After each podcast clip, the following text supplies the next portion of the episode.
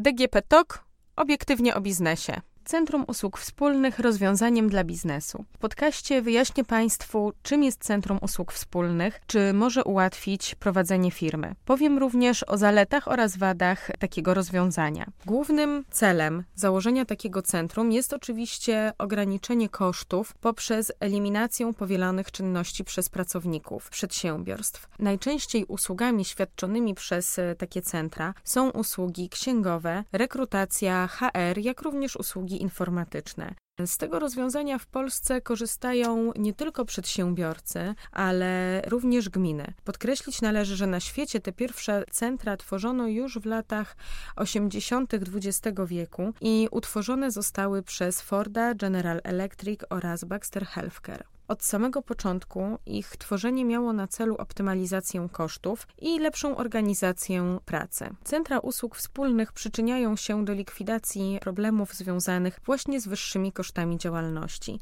To właśnie dzięki nim nie musicie Państwo y, jako przedsiębiorcy tworzyć wielu etatów, ponieważ zadania zlecacie na zewnątrz. W wielu państwach europejskich powstają centra usług wspólnych w sektorach publicznych. Może to świadczyć o tym, że CUWy odniosły sukces w biznesie i to właśnie dlatego rozwiązanie to y, wdrażane jest również w administracji publicznej. W Polsce centra usług wspólnych w sektorze publicznym funkcjonują a możliwość ich zakładania uregulowana została na przykład w ustawie o samorządzie gminnym. Zgodnie z tą ustawą gmina może zapewnić wspólną obsługę. Oczywiście w szczególności będzie to obsługa administracyjna, finansowa i organizacyjna gminnym instytucjom kultury, jednostkom organizacyjnym gminy zaliczanym do sektora finansów publicznych, jak również innym zaliczanym do sektora finansów publicznych gminnym osobom prawnym utworzonym na podstawie odrębnych odrębnych ustaw w celu wykonywania zadań publicznych z wyłączeniem przedsiębiorstw, instytutów badawczych, banków oraz y, spółek prawa handlowego. Nieco inaczej regulacje prawne wyglądają w biznesie. CUWy to wyodrębnione organizacyjnie jednostki świadczące usługi na rzecz przedsiębiorstw. Są one niezależne i dysponują własnymi zasobami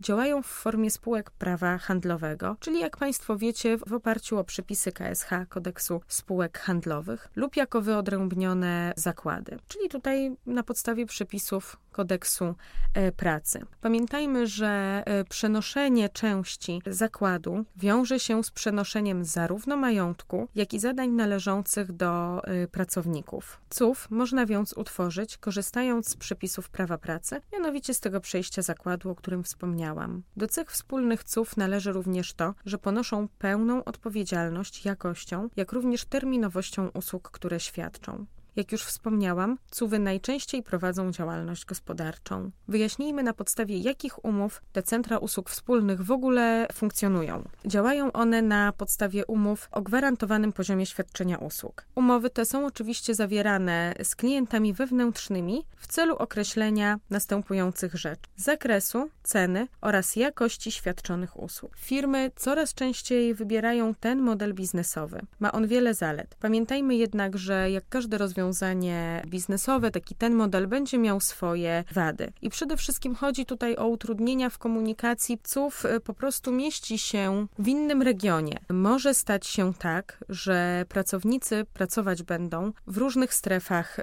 czasowych. Także tutaj nawet sam y, mailing, jakaś taka szybka komunikacja może zostać utrudniona, mogą być spore opóźnienia w uzyskaniu odpowiedzi, czasami dotyczących podstawowych spraw w funkcjonowaniu firmy. Korzyści z założenia takiego centrum jest jednak więcej e, niż wad i tutaj podkreślić należy raz jeszcze, że firmy ponoszą mniejsze koszta, organizacja pracy jest z reguły na lepszym poziomie, no i istnieje oczywiście możliwość współpracy e, międzynarodowej, która na dzisiejszym rynku staje się coraz e, ważniejsza, zwłaszcza w dużych korporacjach.